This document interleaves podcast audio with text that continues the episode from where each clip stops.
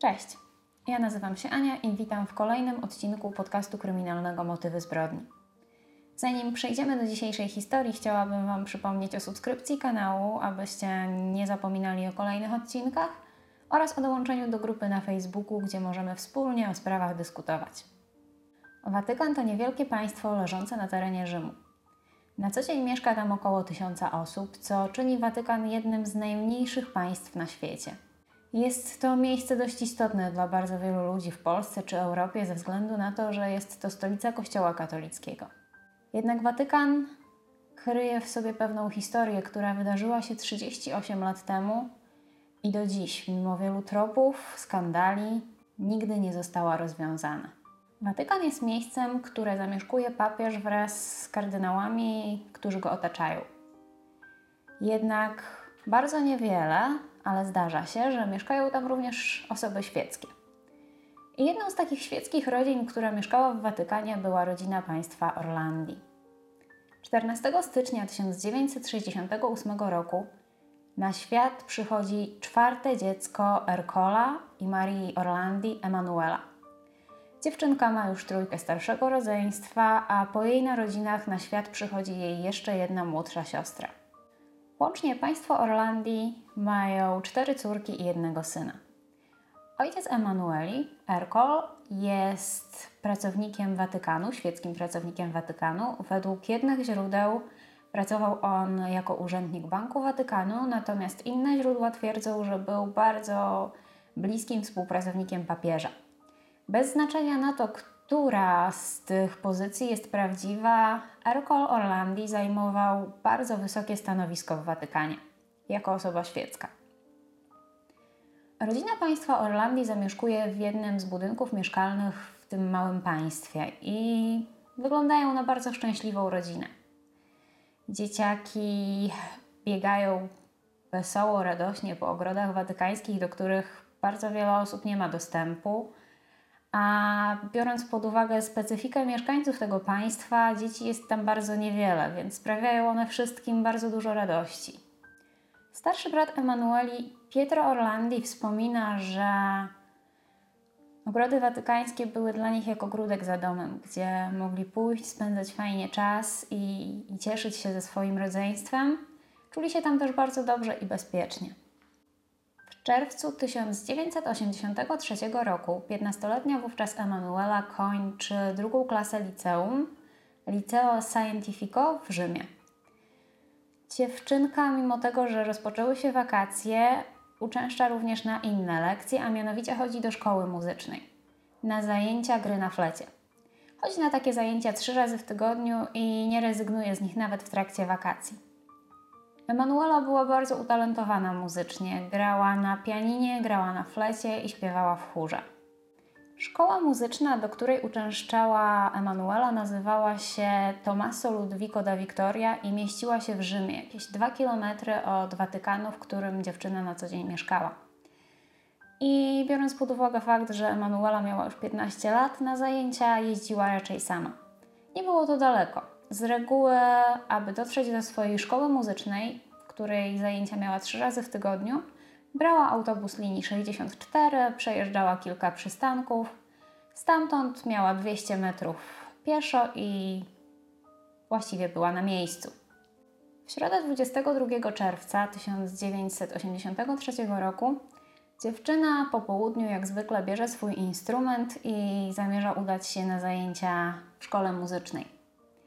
Jednak zanim jeszcze wyjdzie z domu, posprzecza się ze swoim starszym bratem Pietro.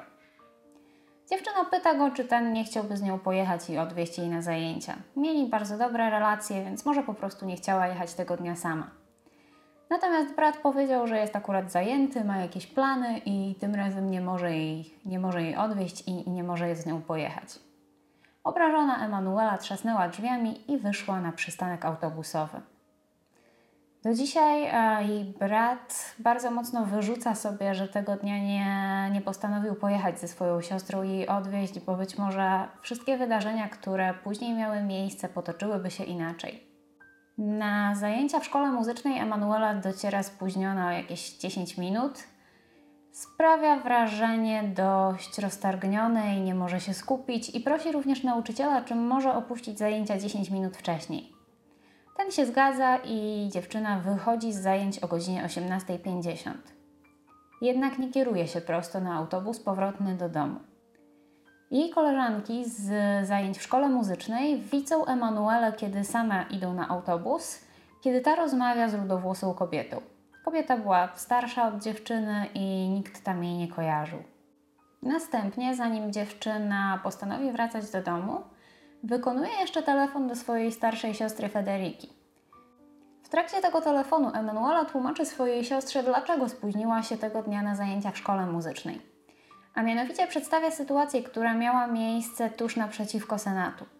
Dziewczyna, kiedy wysiadła z autobusu, została zaczepiona przez mężczyznę w zielonym BMW i ten mężczyzna zaproponował dziewczynie pracę. A mianowicie zaproponował jej pracę, która miała polegać na sprzedaży kosmetyków Avonu i miało się to odbywać na dwugodzinnym pokazie mody w przyszłą sobotę. Pieniądze, jakie zaoferował za tą pracę, były dość wysokie, dlatego prawdopodobnie Emanuela zainteresowała się. E, na dzień dzisiejszy byłoby to jakieś 185 euro za dwie godziny pracy. Natomiast odpowiedziała mężczyźnie, że da mu odpowiedź, jak tylko porozmawia na ten temat ze swoimi rodzicami, bo nie może podjąć decyzji sama. Siostra odpowiada jej, że rodziców akurat nie ma w domu, natomiast e, ona sama odradzałaby swojej młodszej siostrze taką pracę, ponieważ e, oferta finansowa, która została jej złożona za wykonanie dwugodzinnej pracy przy sprzedaży kosmetyków, jest podejrzanie wysoka, więc coś z tą pracą może być nie tak. Zdarzenie, które Emanuela opisywała swojej siostrze, widzieli również inni świadkowie. Niestety kamery w budynku Senatu, nieopodal którego się to wydarzyło, tego dnia nie działały, więc nie dało się ustalić numerów rejestracyjnych samochodu, e, którym przyjechał mężczyzna, który dziewczynkę zaczepił. Tego dnia Emanuela nie pojawia się w domu, natomiast świadkowie, którzy widzieli dziewczynę tego popołudnia, twierdzą, że wsiadała do dużego zielonego BMW. Rodzina dziewczyny odchodzi od zmysłów i pierwsze co robi, to idą złożyć na policję zawiadomienie o zaginięciu ich córki. Wiedzą, że Emanuela nie uciekłaby sama z domu, znają swoją córkę, wiedzą, że była raczej grzeczna i nigdy nie robiła im takich rzeczy. Policja w pierwszej chwili twierdzi, że dziewczynka pewnie uciekła z domu i prawdopodobnie bardzo szybko wróci. Dlatego też postanawiają nie podejmować żadnych e, działań, przez kolejny dzień. Rodzina odchodzi od zmysłów, absolutnie nie wierzy w to, że dziewczyna mogłaby po prostu nie przyjść do domu i, i, zniknąć na własne życzenie. I podejrzewają, że mógł wydarzyć się jakiś wypadek z jej udziałem, albo coś, coś innego mogło się wydarzyć. Szukają jej po szpitalach i rzecz, którą robią następnego dnia, to również poszukiwania w szkole, gdzie była widziana po raz ostatni. Rozmawiają z dyrektorem szkoły muzycznej, w której była Emanuela poprzedniego dnia i pytają, czy ktokolwiek coś widział, może któraś z jej koleżanek, kolegów, może któryś z nauczycieli. No i niestety okazuje się, że po tym jak Emanuela opuściła szkołę, nikt nic nie widział i nikt nic nie wie. Wtedy policja również rozpoczyna poszukiwania dziewczyny i publikują do mediów jej rysopis, jej zdjęcie informacje o tym, że zaginęła oraz numer telefonu, pod którym można dzwonić i, i zostawiać informacje, jeśli dziewczyna była przez kogoś widziana. Ten numer telefonu jest numerem do domu państwa Orlandii, nie na policję. Pod podany numer telefonu dzwoni mnóstwo osób. Natomiast pierwszy telefon, który dość mocno tutaj jest taki zagadkowy, miał miejsce kilka dni później, czyli 25 czerwca w sobotę o godzinie 18. Do państwa Orlandii zadzwonił młody chłopak, mniej więcej 16-letni, który przedstawił się jako Pierluigi. Chłopak twierdzi, że on i jego dziewczyna widzieli osobę przypominającą Emanuele w środę, czyli w dzień, kiedy tamta zaginęła, e, na Piazza Navona, gdzie opisał bardzo dokładny wygląd nastolatki. Powiedział, że miała przy sobie instrument. E, powiedział o okularach, których dziewczyna nie znosiła nosić i, i na zdjęciach bardzo często ich nie miała. E, do tego powiedział, że przedstawiała się jako Barbarella oraz sprzedawała kosmetyki na tym placu. To był pierwszy niepokojący telefon, który miał miejsce w sprawie zaginięcia Emanueli. Kilka dni później, czyli 28 czerwca we wtorek, do państwa Orlandii zadzwoniła kolejna osoba. Mężczyzna przedstawił się jako Mario i powiedział, że prowadzi bar między Watykanem a Rzymem i niedawno w weekend widział osobę, która bardzo mocno przypomina ich córkę. Opisał ją bardzo dokładnie i mówił, że, że rozmawiał z tą klientką. Przedstawiła się jako Barbara i powiedziała mu o tym, że właśnie uciekła z domu. Miała ze sobą instrument, mówił również o okularach i to ciekawe. Dziewczyna powiedziała o czymś, o czym nikt inny nie wiedział. Czyli o tym, że planuje wrócić do domu we wrześniu na ślub swojej siostry, gdzie ma zagrać na flecie. Kilka dni później rodzina Orlandi rozkleiła w całym Rzymie około 3000 plakatów ze zdjęciem ich córki. Mieli nadzieję, że dzięki temu może ktoś jeszcze widział ich córkę i zgłosi się z informacjami, które pomogą im ją odnaleźć. Warto też wspomnieć, że w momencie, kiedy Emanuela zaginęła, tego samego wieczoru w domu państwa Orlandii pojawiły się dwie osoby, które należały do włoskich tajnych służb. Jedna z tych osób była agentem, który Emanuele poznał przez swoją kuzynkę Monikę. Nazywał się Giulio Gangi i był dość mocno emocjonalnie związany ze sprawą zaginięcia Emanueli. Pierwszego dnia oni po prostu przeszukali pokój dziewczyny, sprawdzili i pamiętniki, książki, nie do końca wiadomo, czy coś zabrali. Jednak ten drugi agent, który poznał Emanuelę, kiedy jeszcze, kiedy jeszcze nie była zaginiona, chciał odnaleźć jakiekolwiek ślady, więc e, pierwsze co zrobił, to pokręcił się po okolicy i poszukał kogoś, kto być może widział zielone BMW. Twierdził, że odnajdując kierowcę tego samochodu, być może pozyskają jakiś trop. I kierowcy nie udało się odnaleźć, natomiast udało się odnaleźć mechanika, który kilka dni później wymieniał szybę w takim właśnie samochodzie po stronie pasażera, która była pęknięta. Być może w, w tym samochodzie doszło do jakiejś walki. Nie wiadomo. Natomiast mechanik ten był w stanie podać agentowi namiary na miejsce, gdzie auto było zarejestrowane, powiedzmy. Mężczyzna ten znalazł to miejsce. Był to dom położony jakieś 2 km od Watykanu i drzwi otworzyła mu kobieta, która absolutnie nie chciała z nim rozmawiać i wyrzuciła go z domu. Po tym wydarzeniu mężczyzna został odsunięty od sprawy i otrzymał zakaz zbliżania się do tego miejsca.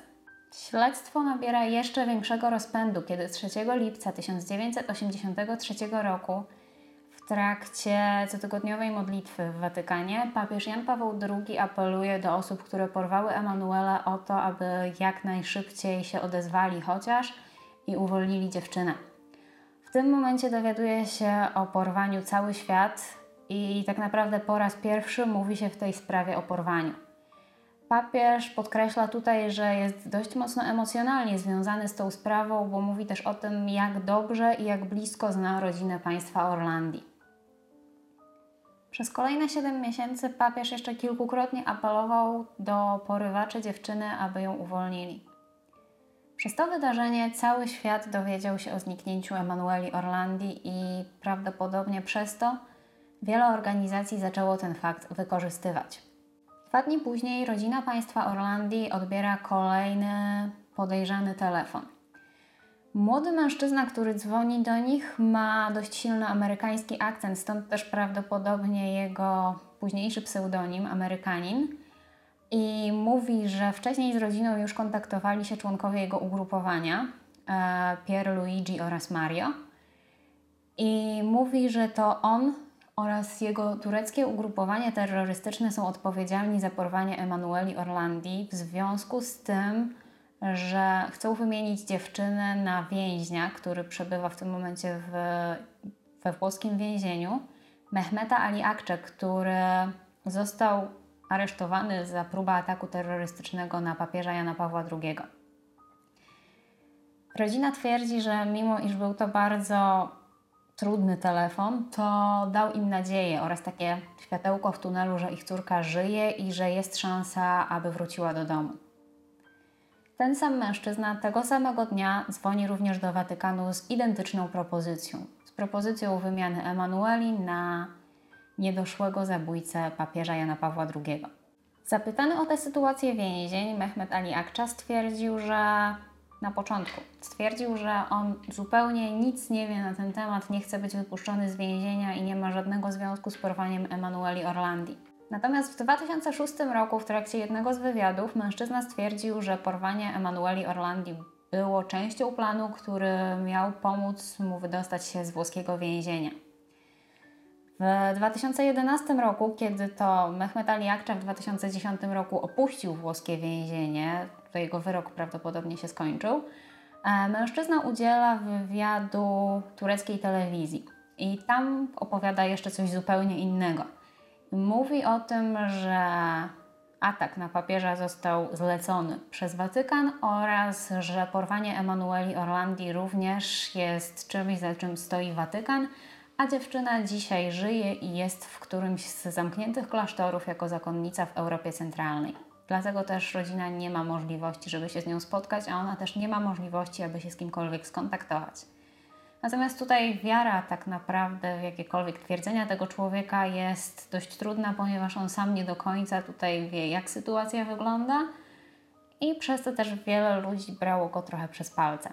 Ale wróćmy do lipca 1983 roku. Mężczyzna o pseudonimie Amerykanin po raz kolejny dzwoni i kontaktuje się z rodziną państwa Orlandii. Po raz kolejny, kiedy się do nich odzywa, puszcza przez telefon nagranie dźwiękowe, które ma świadczyć o tym, że przetrzymuje on Emanuela oraz e, że ona żyje, jest cała i zdrowa. Kolejnym dowodem, który ma świadczyć o tym, że Emanuela jest przytrzymywana przez ugrupowanie Amerykanina, jest podrzucona przez niego kopia legitymacji szkolnej dziewczyny oraz e, takiego, takiej wyrwanej kartki z zeszytu z nutami. Obie te rzeczy dziewczyna miała przy sobie, kiedy zaginęła. I to ma pozwolić rodzinie oraz policji uwierzyć, że dziewczyna jest przetrzymywana przez tę właśnie organizację. E, oczywiście policja próbowała odnaleźć Amerykanina, próbowała znaleźć miejsca, z których dzwonił, jednak okazało się, że za każdym razem telefony były wykonywane z innej budki telefonicznej i nie udało się go namierzyć. Ostatni telefon wykonany przez Amerykanina miał miejsce w październiku 1983 roku i po tamtym ostatnim kontakcie wszystko ucichło. W tym samym czasie również inne organizacje terrorystyczne próbowały przypisać sobie porwanie Emanueli Orlandi i próbowały wymienić za dziewczynę e, wymienionego wyżej e, więźnia, Mehmeta Ali Akcze. Jedną z takich organizacji był turecki antychrześcijański Front Wolności, który wysłał do władz rzymskich dwa listy napisane i wysłane z Frankfurtu, gdzie przyznali się do tego, że to oni posiadają przetrzymują Emanuela oraz że to oni odpowiadają za jeszcze jedno porwanie, które miało miejsce w Rzymie miesiąc wcześniej, miesiąc przed porwaniem Emanueli. I chodzi tutaj o porwanie nastolatki Mirelli Gregori, które również miało jakiś związek z Watykanem. Przypisują sobie oni oba te porwania i twierdzą, że również chcą wymienić dziewczynę za więźnia. Jest też kilka innych organizacji, które postępują w bardzo podobny sposób i przypisują sobie to porwanie, aby pomóc więźniowi. Poza wspomnianym wyżej porwaniem Mirelli Gregori, w Watykanie miały miejsce również inne sytuacje, które miały tutaj związek ze sprawą Emanueli Orlandi najprawdopodobniej. W Emanuela mieszkała w tym samym bloku z jeszcze jedną dziewczynką, Rafaelą, i one bardzo się przyjaźniły, były też do siebie dość podobne. E, Rafaela była córką lokaja papieskiego. Dziewczynka miesiąc przed porwaniem Emanueli zauważyła, że ktoś ją śledzi. I tutaj jest jeszcze jedna dość interesująca rzecz, a mianowicie w 1981 roku, czyli jakieś dwa lata przed porwaniem, przed porwaniem Emanueli, e, tuż po ataku na papieża, Ojciec Rafaeli, czyli ten lokaj, usłyszał o planowanym porwaniu, które miało mieć miejsce w Watykanie. I natychmiast ostrzegł swoją córkę, że jeśli ta zobaczy coś niepokojącego, żeby go o tym poinformowała. I tak też było. Dziewczynka kilka razy widziała w autobusie tego samego mężczyznę, który gdzieś tam za nią szedł. E, powiedziała o tym swojemu ojcu, natychmiast została przeniesiona do innej szkoły i otrzymała zakaz opuszczenia Watykanu samodzielnie. Więc mogła jechać do Rzymu tylko z kimś ze swoich rodziców. Podejrzewa się, że fakt, że dziewczynki mieszkały w tym samym budynku, mógł prowadzić do tego, że Emanuela została porwana przez pomyłkę, że tak naprawdę porwana miała być Rafaela, natomiast były do siebie podobne, mieszkały w tym samym bloku, więc być może doszło do nieporozumienia. Również znajomi Emanueli pamiętają sytuację, kiedy Emanuela wraz z jedną ze swoich koleżanek wracały do Watykanu i zatrzymał się obok nich samochód. W samochodzie tym siedziało dwóch mężczyzn, przy czym jeden mówił i wskazywał do drugiego palcem na Emanuelę i mówił: To ona. I ta sytuacja miała miejsce jakiś miesiąc przed zaginięciem dziewczynki. Rok po zaginięciu Emanueli e, media we Włoszech publikują artykuł ze zdjęciem dziewczynki. Na tym zdjęciu jest ona, Rafaela, i stoją obok papieża. Kiedy tylko prasa wychodzi, jest poranek tego dnia, w domu rodziców e, Rafaeli dzwoni telefon. Odbiera go któryś z rodziców dziewczyny i słyszy informację wypowiedzianą głosem anonimowego mężczyzny, żeby przekazać Rafaeli, że Emanuela czuje się świetnie, żyje i wszystko z nią w porządku. No i tutaj sytuacja jest też trochę dziwna, bo ktoś musiał wiedzieć, że dziewczynką, która jest na zdjęciu jest Rafaela. Zdjęcie to nie było podpisane, więc ewidentnie albo ktoś robił sobie głupie żarty, albo ktoś znał obie dziewczynki, kto w jakiś sposób był związany z porwaniem Emanueli. W kolejne święta Bożego Narodzenia Dom Państwa Orlandich odwiedza Jan Paweł II. Rozmawiają o zaginięciu ich córki i tutaj papież wtrąca takie swoje przemyślenia odnośnie tego, że prawdopodobnie w zaginięcie Emanueli były zaangażowane zagraniczne i międzynarodowe organizacje terrorystyczne. Również wtedy pracę w Banku Watykańskim otrzymuje starszy brat Emanueli, Pier Orlandi. W sprawie zaginięcia dziewczynki przez kolejne lata nie dzieje się nic. W 1997 roku prokuratura zamyka sprawę i publikuje raport, w którym pomija bardzo wiele teorii, które powstały w trakcie tego śledztwa, bardzo wiele jakichś takich różnych tropów, śladów i zamyka sprawę jako nierozwiązaną. W 2005 roku włoska telewizja publikuje odcinek e, programu takiego podobnego do naszego Ktokolwiek widział, ktokolwiek wie, o osobach zaginionych i w tym odcinku jest mowa o Emanueli Orlandi. Tego dnia do telewizji dzwoni anonimowy informator, mężczyzna, który twierdzi, że rozwiązanie zagadki Emanueli Orlandi znajduje się w bazylice Sant Apollinare przy Piazza Sant Apollinare w sarkofagu, w którym złożone jest ciało jednego z gangsterów rzymskich, a mianowicie Enrico de Pedisa, który zmarł w 1990 roku i był czołowym przywódcą rzymskiej bandy Mogliana. Informator ten twierdzi, że mężczyzna zamordował Emanuele Orlandi na zlecenie jednego z kardynałów z Watykanu, a w zamian za to otrzymał przywilej pochówku w miejscu, które normalnie nie jest dostępne dla osób świeckich. W 2008 roku na jaw wychodzi trochę więcej informacji odnośnie związku Enrico de Pedisa ze sprawą Emanueli Orlandi. Wtedy też zeznaje jego była kochanka Sandra, która była jego kochanką w latach 1982-84, czyli w momencie, kiedy Emanuela zaginęła. Kobieta twierdzi, że mężczyzna porwał, przetrzymywał oraz pozbawił życia Emanuela Orlandi oraz e, schował jej ciało jakieś 25 km od Rzymu. W ten sposób mężczyzna miał szantażować Watykan w kwestii zwrotu pieniędzy, które jego grupa przestępcza zainwestowała w Banku Watykańskim, a których odzyskać nie mogli. Kobieta zeznała również, że wie, gdzie Emanuela była przetrzymywana tuż po porwaniu. W trakcie śledztwa wyszło również wiele niepokojących informacji mówiących o tym, że osoby z Watykanu były zamieszane w porwanie oraz prawdopodobnie pozbawienia życia Emanueli Orlandi. Mówi się również o tym, że osoby z Watykanu, które miały jakiekolwiek wiadomości i tak naprawdę mogłyby pomóc w śledztwie, odmawiały zeznań i nie chciały współpracować z policją. W 2017 roku włoski dziennikarz śledczy odkrył oraz opublikował pięciostronnicowy raport, który został stworzony przez jednego z kardynałów w Watykanie oraz schowany gdzieś bardzo głęboko, o tym, że doskonale wiedziano, co się wydarzyło z Emanuelą w Watykanie. Jej brat Pietro Orlandi twierdzi również, że papież Jan Paweł II również posiada wie, posiadał wiedzę odnośnie tego, co się wydarzyło z jego siostrą, jednak postanowił milczeć, aby ratować wizerunek Kościoła katolickiego. Istnieje również kilka dość skandalicznych teorii, które wychodzą tutaj na jaw, jeśli chodzi o poszukiwanie Emanueli Orlandi. Jedna z nich mówi o tym, że dziewczyna mogła stracić życie w trakcie orgii organizowanej przez Watykan, natomiast na to nie ma żadnych e, nic, co mogłoby taką teorię potwierdzić. A, a mówi się o tym, że Watykan próbował zatuszować tę sprawę dziwnymi anonimowymi telefonami.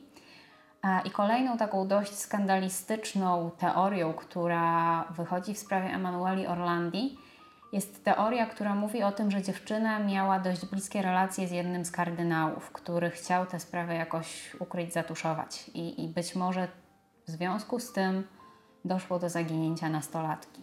Brat Emanueli Orlandi bardzo mocno wierzy w to, że Watykan wie, co wydarzyło się z jego siostrą, natomiast e, ma świadomość tego, że tej prawdy nigdy się nie dowie. W 2011 roku, w trakcie jednego z protestów w Watykanie odnośnie sprawy Emanueli Orlandi, mężczyzna wypowiedział się do mediów, mówiąc, że mimo iż nowy papież, papież Franciszek, jest dość odważny w kwestii odkrywania pedofilii w kościele, czy w kwestii reformy Banku Watykańskiego, który był dość mocno związany z praniem brudnych pieniędzy, jest to dla niego tak niewyobrażalne, co musiało się wydarzyć z jego siostrą, że na ten temat ciągle Watykan milczy. Mężczyzna podejrzewa bardzo nieciekawe rzeczy, ale bardzo mocno skłania się ku teorii, że to w Watykanie groziło jej jakieś niebezpieczeństwo. W 2018 roku pojawił się jeden z ostatnich tropów w sprawie Emanueli Orlandi. Jej brat Pietro otrzymał od anonimowego informatora zdjęcie z cmentarza w Watykanie, które ukazywało grobowiec z aniołkiem. Zdjęcie to miało podpis, że rozwiązanie zagadki Emanueli Orlandi znajduje się tam, gdzie wskazuje anioł. Sąd watykański zgodził się na otworzenie grobu z aniołem, Natomiast po sprawdzeniu jego zawartości, po przebadaniu szczątków, które tam zostały odnalezione, okazało się, że to miejsce również w żaden sposób nie przyczynia się do rozwiązania zagadki Emanueli Orlandi. Zagadki, która ma ponad 30 lat i która jest jedną z największych zagadek tego bardzo niewielkiego państwa. Dziękuję za wysłuchanie historii do końca. Dajcie znać w komentarzach, które teorie są według Was najbardziej prawdopodobne i, i co mogło się wydarzyć 38 lat temu w Watykanie. Dla tych wszystkich, którzy dotrwali do końca, chciałabym jeszcze przekazać jedną informację. Od tego tygodnia odcinki podcastu będą pojawiały się dwukrotnie, w poniedziałki oraz w czwartki, między godziną 16 a 18. Poniedziałkowe odcinki będą dotyczyły spraw zagranicznych, natomiast czwartkowe odcinki będą dotyczyły spraw polskich, chyba że znajdziemy jakąś super ciekawą sprawę, która nie będzie mogła czekać. Jeśli odcinek Wam się podobał, to pamiętajcie o zostawieniu łapki w górę, bo dzięki temu film może dotrzeć do większej liczby osób i, i może go obejrzeć większe grono odbiorców. Pamiętajcie też o subskrypcji, dzięki czemu nie pominiecie żadnego kolejnego odcinka. Do zobaczenia w czwartek. Cześć!